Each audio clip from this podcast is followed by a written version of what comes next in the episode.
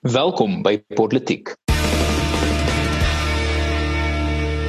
Ek is Paul Maritz en saam met my atelier is Herman Pretorius en Erns van Sail. Ons gaan natuurlik aan met ons virtuele politiek maar atelier hoef nie noodwendig 'n fisiese konstruk te wees nie. Um, ons uh, herdefinieer bietjie die die filosofie. In vandag se episode veldkleur bly maatstaf, honger wag aan die pad af en Sesco teen aanlyn klasdraf. Nou ja, hierdie week het politiek in Suid-Afrika natuurlik soos enige ander week 'n uh, paar interessante geure aangeneem, ongelukkig ook 'n paar interessante kleure aangeneem. Jy het gepraat van kleur. Erns, ek hoor ek en jy mag nie gehelp word as ons klein toerisme besighede het nie. Ons is te lig bevind, blykbaar. Ja, wel, ehm um, wat ons hierso sien gebeur is ehm um, die Suid-Afrika wat ons vandag sien is nou maar 'n skadu van die beloftes van die verlede. Ons het nou eintlik vandag lyk like dit my is die ANC besig om sy sy ware kleure te wys. En so miskien net om 'n bietjie konteks te gee. So laasweek het AfriForum en Solidariteit die uh, na die na die Suid-Afrikaanse hof toe gegaan om te om hierdie nuwe rassekwotas te beveg wat nou gebruik word deur die toerismebedryf of deur die die toerisme departement uh met die toerismebedryf waar daar COVID-19 verligtingsgeld nou deur die die uh die ras bepaal gaan word wie dit gaan kry eerder as net die wat dit nodig het.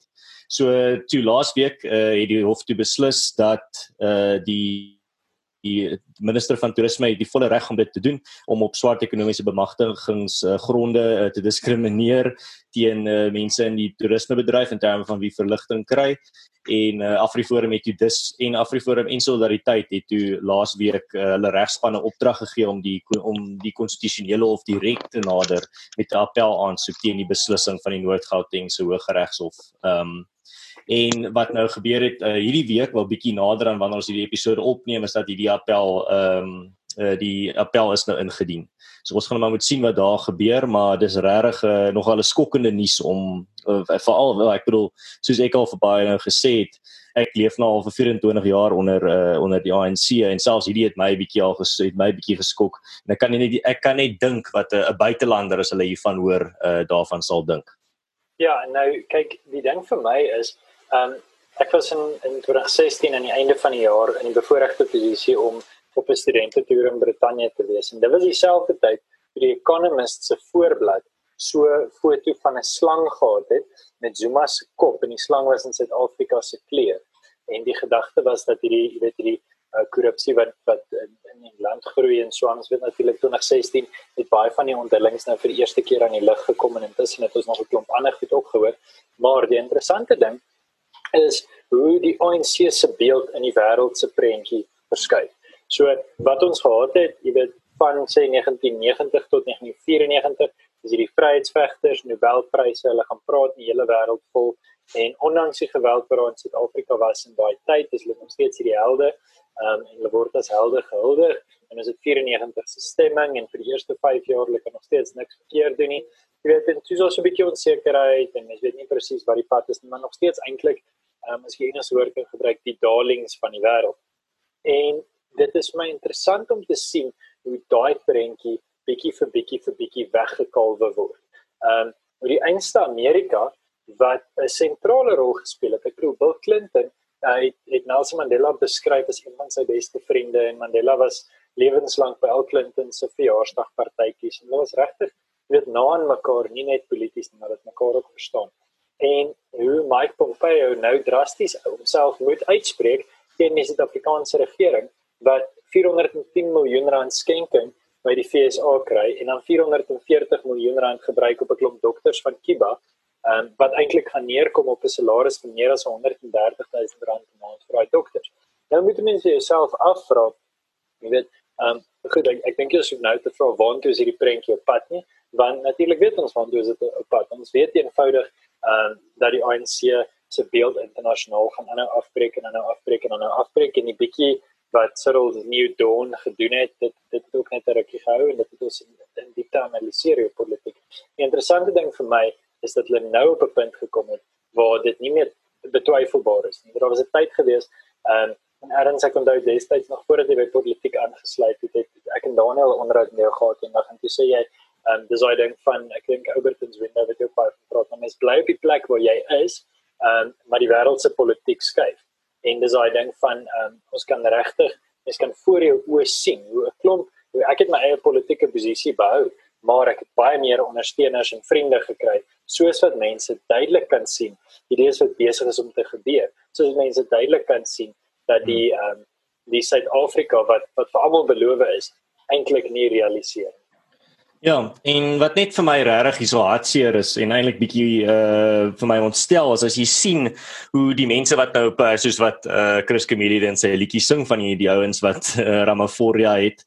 Ehm um, jy sien dit uh, onder die mense in terme van hoe hulle kyk na so Ramaphosa en hulle praat van hom as jy, jy het nou vir Julius ag vir Jacob Zuma genoem. Uh, en nou nou praat hulle van uh, Ramaphosa as half uh, hierdie president wat ons nou weer op die regte pad gesit het. Uh, ek verskoon vir die geraas in die agtergrond. Ek weet nie of julle my kan hoor nie. Ja, nee, hoor jy nog gesê reg 100%, okay? So wat ons nou hierso kry eintlik uh tot uh, ons almal se ontstelling is dat Cyril Ramaphosa eintlik baie meer radikale goeders uh onder hom onder sy bewind laat inkom het uh, as wat daar nog onder Zuma ook ingekom het. Ek bedoel ons kry nou uh grondonteiening sonder vergoeding onder Ramaphosa. Ons kry die NHI onder Ramaphosa. Ons kry nou hierdie rasgebaseerde uh COVID um uh verligting onder Ramaphosa wat ek dink nog een van die mees immorele goeders is wat ek gesien het in my lewe van die ANC afkom.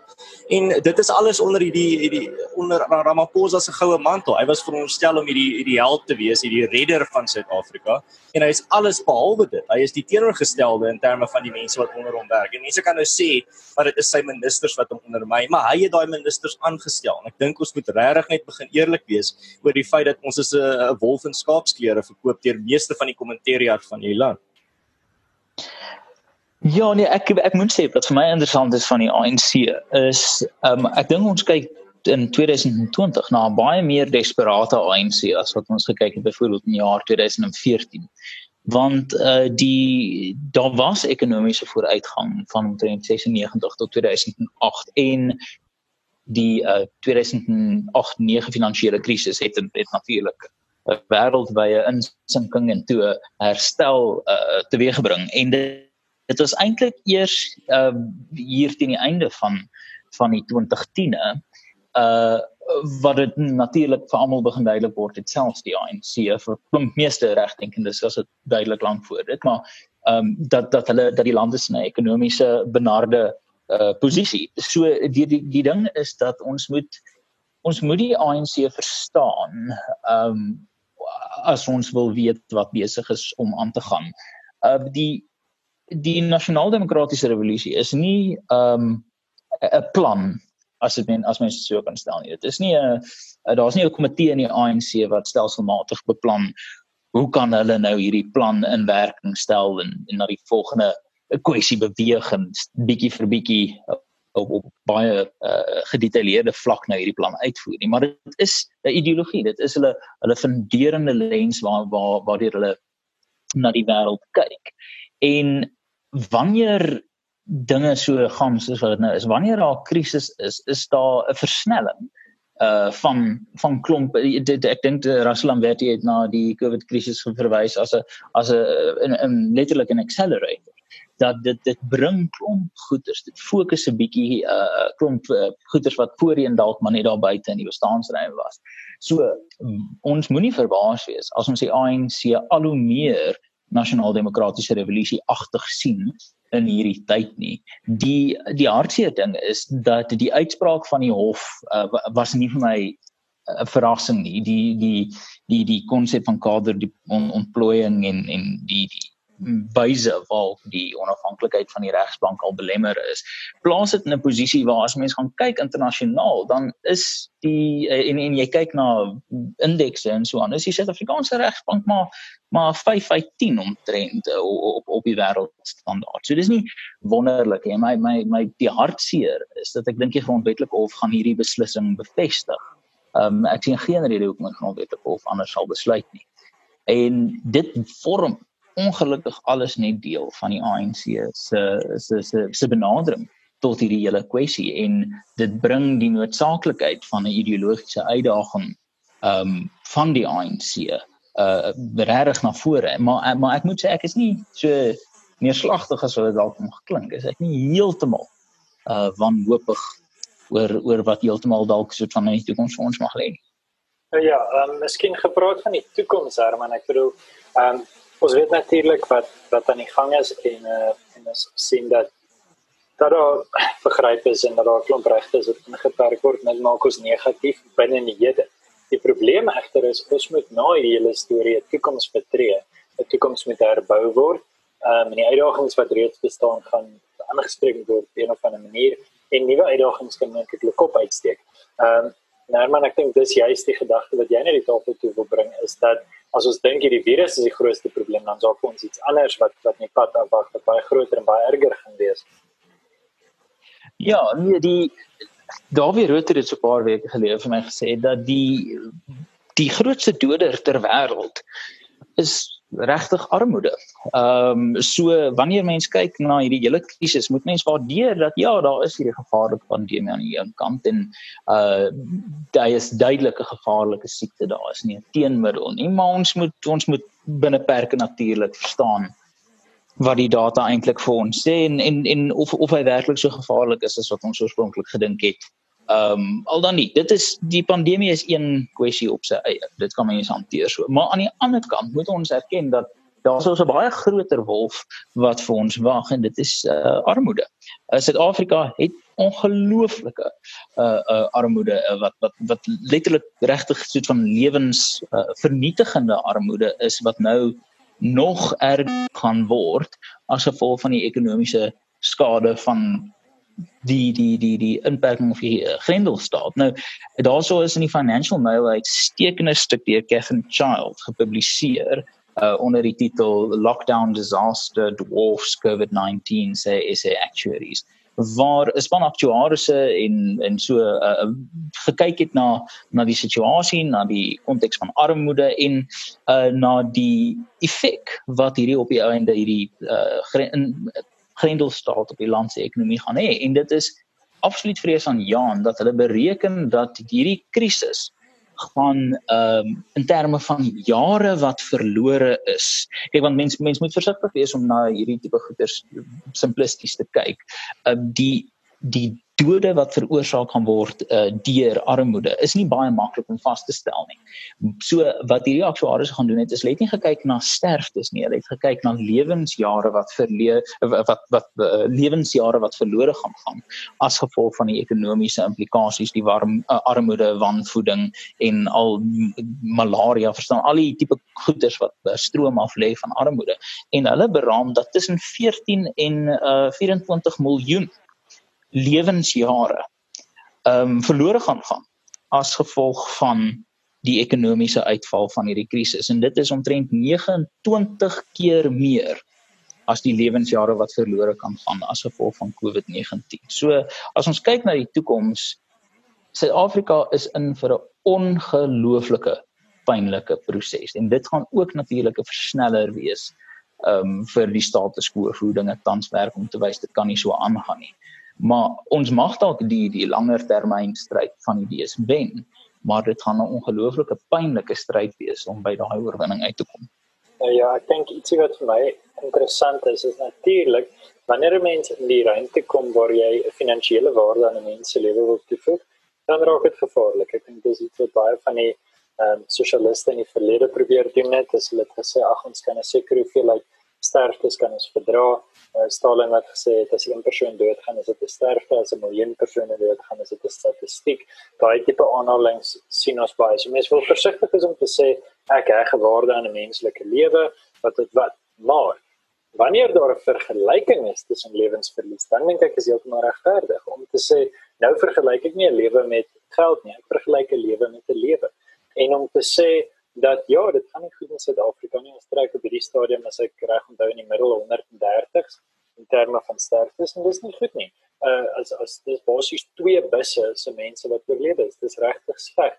Um, en dit is dit is 'n krisis. Maar mense moet vir jouself vra, um, op watter punt gaan jy die lewens begin bereken? Die busse en busse en busse en busse vol mense wat gaan sterf as gevolg van honger, wat sonder twyfel um, gaan sterf as gevolg van geweld wat moontlik gaan sterf as gevolg van regeringsoptrede.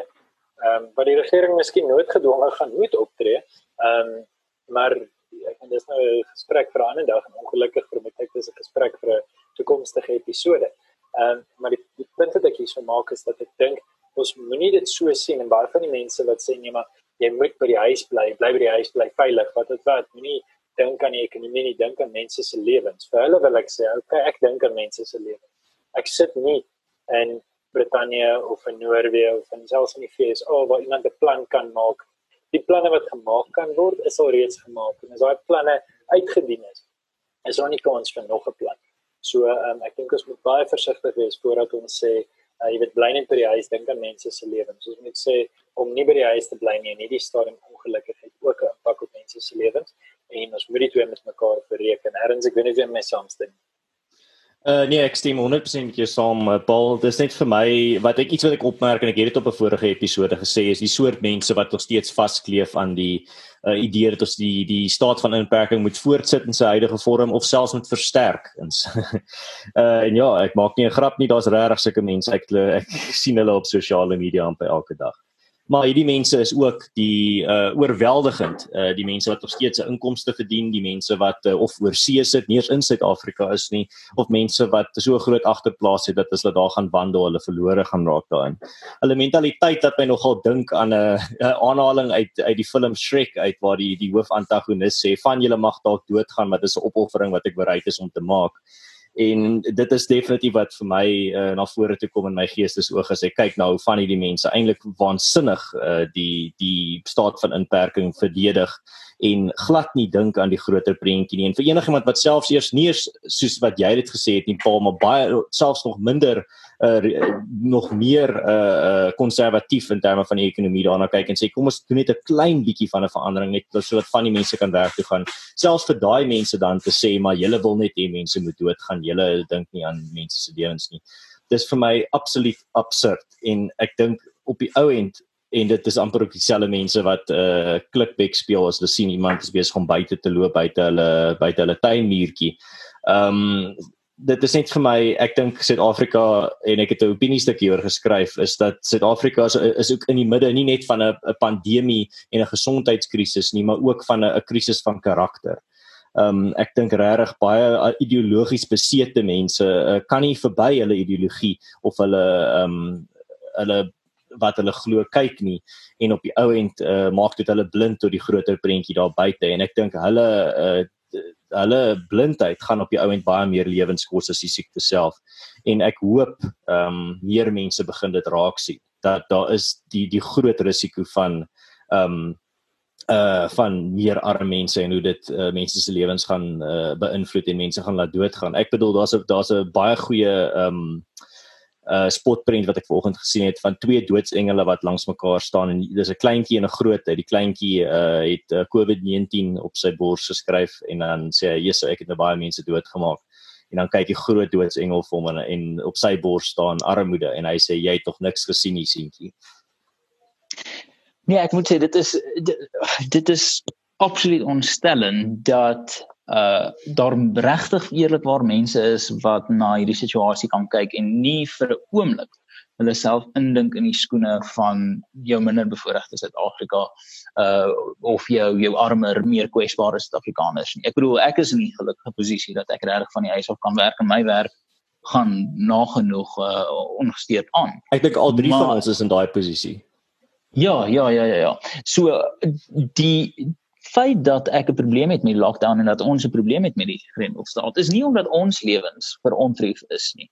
Uh dit is nie dat ons dink my maggies weet jy hierdie is die hierdie is die die die begin van van van tirannie dat ek uh 'n masker moet dra as ek woorders toe gaan nie. Um ek dink daar is dalk sulke mense wat so voel, maar ek ek moet sê dit is nie vir my die hoofprobleem hierso met die met die Grendelstaat nie. As mens gaan kyk na die feit dat die ekonomie op sy mees basiese verstaan is die vermoë van mense om vir hulle self en hulle gesinne te sorg.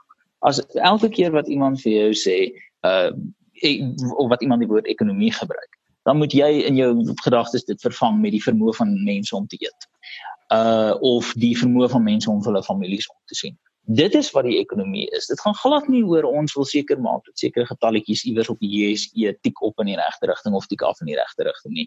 Ek is nie seker genoeg om daai goeders te verstaan in die eerste plek nie, maar wat mense wel kan verstaan is dat honger mense gaan dood of honger mense word uh, aggressiewe mense en aggressiewe mense word gevaarlike mense. So dit is 'n beduidend voor die hand liggende situasie. Dat as jy sê mense dalk moet ons nie die ekonomie laat sterf nie, gaan dit regtig oor die feit dat daar baie baie meer mense in gedrang se lewe in gedrang geplaas word deur arm, armoede um, as as uh, COVID-19. Maar dit is deel van hierdie intensiteit van die krisis wat ek dink regtig ons moet ons oë moet oopmaak vir die die klein tekens van positiewe verandering.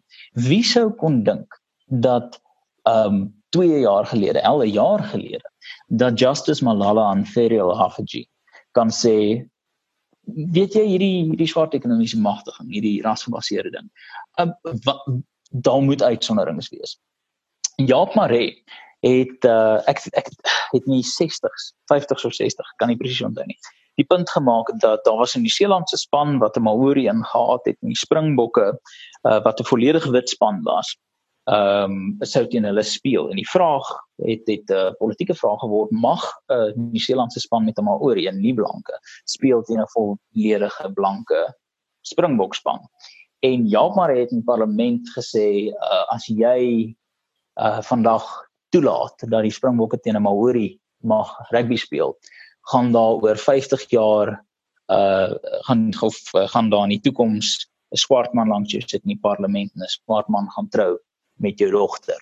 En maar hy was reg op 'n manier. Hy was hy was verkeerd in die morele sin, maar ek dink hy was korrek in sy in in sy gevolgtrekking dat die oomblik as jy beginsels begin prysgee, as jy klein uitsonderings maak vir kernbeginsels dan begin jy die ontrafeling sien van 'n status quo. En die feit dat iemand soos Ferrell Afji en Justice Malala vandag kan sê, weet julle kerels, kom ons trap die rem op swart ekonomiese bemagtiging in hierdie krisistydperk. Daai is die begin van 'n losstorm. Vandag in die Daily Maverick het Rebecca Davis ook 'n stuk geskryf waar sy gesê het, uh hierdie regulasies, hierdie red tape maak dit uh maak ekonomiese herstel onmoontlik. Nou wanneer op dese aarde laas het jy gedink jy gaan 'n stuk van Rebecca Davis in die Daily Maverick lees en dink hm, ek stem saam met jou. So terwyl dit ongelooflik sleg gaan met hierdie land en terwyl dit ongelooflik sleg met die land se mense gaan gaan in die toekoms en vir die voorsienbare toekoms. Dink ek ons moet baie bewus wees ons moet ons fyn baie baie uh um in, in gestem hou as dit ware op hierdie klein veranderingkies wat dui daarop dat uh dat daar is dalk hierdie ritsel in die fluisterblare dat dat dinge gaan nie altyd so wees as wat dit nou is nie. Nou ja, um, miskien Herman, terwyl jy nou jy weet so positief is met ek dalk net jy weet tipies as 'n Suid-Afrikaner wees en jou uh, wiele so klein bietjie afblaas. Uh ongelukkig tipies tipies ongelukkig is ons vriende uh by Sesco natuurlik die South African Students Congress uh gestig nog deur Steve Biko. Onder heeltemal 'n ander vaandel deur Steve Biko gestig mens moet dit wel sê. Maar hulle is ongelukkig nie so positief oor vooruitgang en uh, dat die ekonomie moet moet aangaan wat sê hulle? Hulle sê dat al die universiteite wat nou aangaan met aanlyn klasse en wat probeer om studente se kwalifikasies in tyd klaar te kry is besig om uitsluiting te pleeg. Uh, ja hulle sê om uitsluiting te pleeg want daar gaan 'n klomp studente wees wat nie ehm um, aanlyn klasse gaan kan kry nie. Nou dit klink op sigself nou 'n logiese punt, wat hulle wel vergeet is dat minister Nzamande die 30ste April reeds gesê het dat 'n klomp rekenaars beskikbaar gestel gaan word. Meeste universiteite se webblaaie is nou al reeds verniet. Met ander woorde, jy kan data vry op daai webblad kom. Uh ClickUp van die Universiteit van Pretoria ook Maties se studenteblad Ekonomie by die NWU. Um jy kan jy kan vry op hierdie blaaie gaan sonder dat jy data nodig het. Uh verder as dit byvoorbeeld die NWE het nou 3.500 rekenaars versprei hierdie week. Um, en ek dink by Universiteit van Pretoria en Universiteit van Stellenbosch, hulle almal maters, is dit selfs meer. Nou ehm um, goed. So hoekom hoekom het ek 'n wesenlike probleem met dit wat Cisco besig is om te doen? Want en my dis my my my groot kritiek teen hierdie en alles wat ek in die volgende week gaan skryf in terme van meningsstukke gaan hieroor gaan. Want as hulle wat hulle nou sê is kom ons vat almal se kwalifikasie en ons sê ons verleng dit met 'n jaar Ehm um, jy sou in 3 jaar klaar maak, jy kan nou 4 jaar klaar maak en as jou NSFAS beurs aan die einde van die jaar sou ophou, jy kry N+2. So kom ons sê doen 'n BA graad, geen NSFAS vir jou 5 jaar. Nou ewe skielik kry jy 6 jaar om dit te voltooi en dis goed en is lekker. Ehm um, wat hulle vergeet is al wie hierdeur bevoordeel word, is mense wat deur die regering befonds word. Enigiemand wat 'n lening het, moet nou vir nog 'n jaar aansoek doen vir sy lening. Enigiemand wat die werkplek wil betree, enigiemand en dit sluit sy skouslede in, dit sluit NSFAS studente in, gaan 'n jaar korter 'n uh, loopbaan hê as die mense die jaar voor of die jaar na hom, wat beteken 12 maande se minder pensioen bydra, uh 2% kleiner kans op bevordering deur sy loopbaan, sy hele loopbaan is 2% korter en natuurlik die rente op daai goeder bou deur sy aftreetyd ensovoorts. Lang storie kort, dit is my verskriklik hoe wanneer mense ondanks 'n krisis probeer om uh, oplossings te kry om nog steeds hulle kwalifikasies klaar te kry om met slim nuwe planne vorendag te kom. Hoe jong studente leiers wat 10 teen 1 in die toekoms ons ministers gaan wees, hoe hulle so kortsigtig kan wees om letterlik net te dink aan daai klein klein fraksie van studente wat bevoordeel sal word deur hierdie akademiese jare af te skryf. Ehm um, dis vir my dis my kommerwekkend en uh, ongelukkig werk ek eintlik al vir baie lank met hierdie tipe denke. Ehm um, maar ja, ek dink ek kan seker hier oor hier aan karring vir nog baie lank. Dit is maar net teleurstellend en uh, ek ek stop my relaas vir eers daarso. Nee, die polisie jou, jou relaas is daarom altyd lekker om na te luister. Uh dit herinner my aan um in 1964 met die Amerikaanse verkiesing het uh, Ronald Reagan waarskynlik een van die mees briljante toesprake uh ooit gelewer. Uh politieke toesprake ooit gelewer. Um ek dink dit is 'n uh, 'n time for choosing is die is die uh naam wat gegee word vir die vir die toespraak. En die ding is op YouTube, hy's omtrent 'n halfuur lank of so. Ek kan kan dit regtig reg. Ek eerlikwaar aanbeveel dis briljant. Maar daarin het hy hierdie aanhaling waar hy sê dat ons lewe in 'n tyd waar mense uh wanneer 'n vet man en 'n maar man langs mekaar staan, word die gevolgtrekking outomaties gemaak dat die vet man net vet geword want hy het by die maarman sy kos gevat. En dit is regtig die idiotiese denke.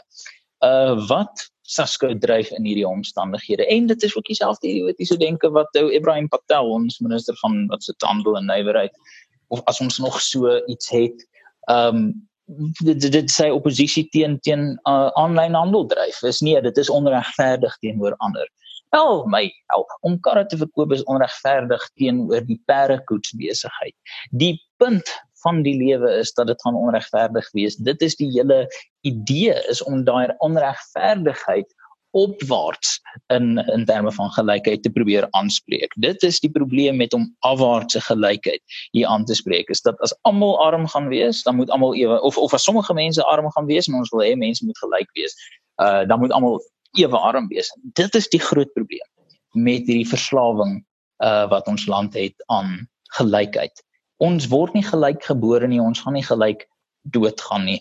Dit is absoluut waansinnig om te dink dat om weg te vat by die een gee vir ander om dat om, om net aan te neem dat die uh vet man het vet geword omdat hy by die arm man uh sy sy kos gevat het. En uh hierdie is onuithou uh, onvolhoubaar absoluut onvolhoubaar en ek dink um, met my uh, ervaring ek was op in 2016 was ek by die universiteit uh, verbonde in in by die by die regsfakulteit en ek onthou ons daar ons kantore gesit het en die fascinerende ding was dit was altyd net net 'n handjie vol dit was altyd net 20 en as jy vir Jan Alleman gaan vra het oor die perd wil jy hier sit en kyk hoe mense goeders afbrand te mekaar uh, te vuis gaan of wil jy eintlik in jou klas sit dan is daar 'n diep liggende common sense wat uh, wat eenvoudig net uh, stil gemaak word. En ek hoop regtig dat in hierdie tyd van krisis kan daai dol osse terwyl hulle in die lug is 'n bietjie anders val. En ek dink dit is vir enigiemand wat nou omgee oor vooruitgang of of vryheid is is is so 'n tyd van krisis regtig regtig die die die die punt om om seker te maak dat dat hierdie mense se absurditeit totaal ontbloot word en dat ons hulle kan identifiseer as die brekers en booswigte wat hulle werklik is. Hmm. En ja, ehm um, miskien net 'n kort gedagte van my kant af. Uh, ek stem 100% met jou saam, Herman. Uh, dis iets waaroor ek ook gepraat het uh, toe ek nou uh, hierdie week op Ronaldo Gou se program was. Toe sê ek ook Ehm um, dit gaan oor hoe jy by jou ehm um, jou jou eindpunte uitkom. Jou jou eindpunt kan nie hoe jy daar uitkom regverdig nie. As jou eindpunt is om almal gelyk te maak, dan wil gaan ek natuurlik vir jou vra maar hoe wil jy almal gelyk maak? Want jy kan almal ook uh, ewe arm maak, net soos ewe ryk. En dit is op die ou end wat die kruks vir my is uh ons sien te veel mense met die mentaliteit wat eerder ander wil straf eerder as om ander op te hef of te help. En ek dink dit is die kruks waarna ons moet kyk is kyk wat se wat motiveer iemand. Uh word hy gemotiveer deur 'n baie sterk 'n uh, baie sterk lus om 'n groep of 'n persoon te straf? Of word hy gemotiveer deur 'n baie sterk lus om ander op te hef en 'n gelyke samelewing te hê wat gelyk uh gelyk voorspoedig is eerder as gelyk of ewe arm is. En dan uh miskien omdat ons nou 'n bietjie op 'n uh, paar droewige onderwerpe hierdie episode gehad het, is daar tog blinkkante bo in hierdie tyd van krisis.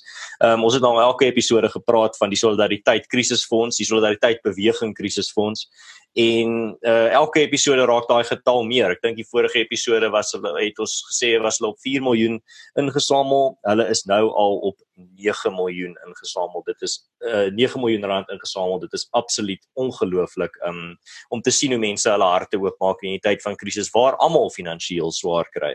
En hierdie krisisfonds is in die lewe geroep ehm um, om die maatskaplike nood wat as gevolg van die COVID-19 krisis gaan ontstaan te help verlig. En ek ek kan nie wag om te sien uh hoe dit uh, goed aangewend word en dan ook nog 'n blinkkant bo is uh, nou hierdie week uh, het Afriforum en SAI uh 10 ton sitrus versprei aan bejaardes in Pretoria wat ek ook dink uh weer net nog 'n voorbeeld is van mense se karakter wat na vore kom en waar mense teruggee aan die gemeenskap en seker maak dat uh, die mees uh uh die die swakstes in hulle gemeenskap of die mees aantasbares in hulle gemeenskap weens hierdie pandemie uh ondersteuning ontvang. Ek dink regtig dis 'n mooi ding om te sien. Maar nou soos Ramoforia 2.0 is hierdie episode ook vir eers verby. Ons nooi jou as luisteraar uit om ook self 'n bietjie te ontnonsens deur die gesprek voor te sit in die kommentaar afdeling.